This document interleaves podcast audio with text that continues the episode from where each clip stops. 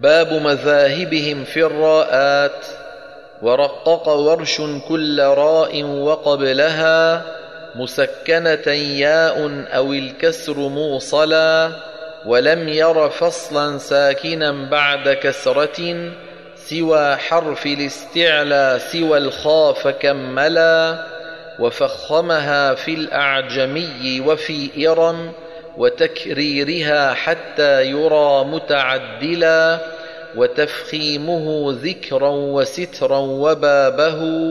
لدى جلة الأصحاب أعمر أرحلا وفي شرر عنه يرقق كلهم وحيران بالتفخيم بعض تقبلا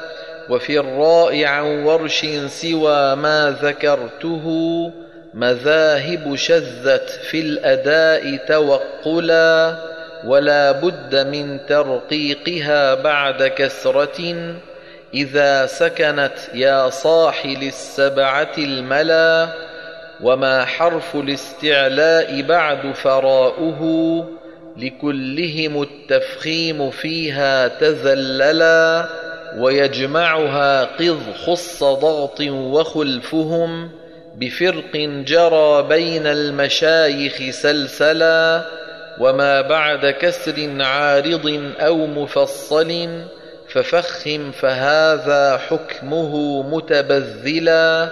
وما بعده كسر أو اليا فما لهم بترقيقه نص وثيق فيمثلا وما لقياس في القراءة مدخل فدونك ما فيه الرضا متكفلا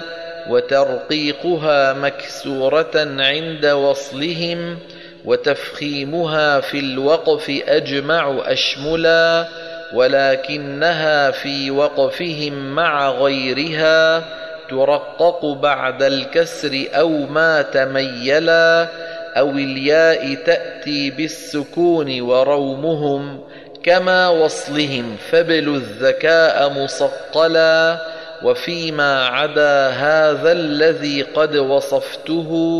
على الأصل بالتفخيم كن متعملا.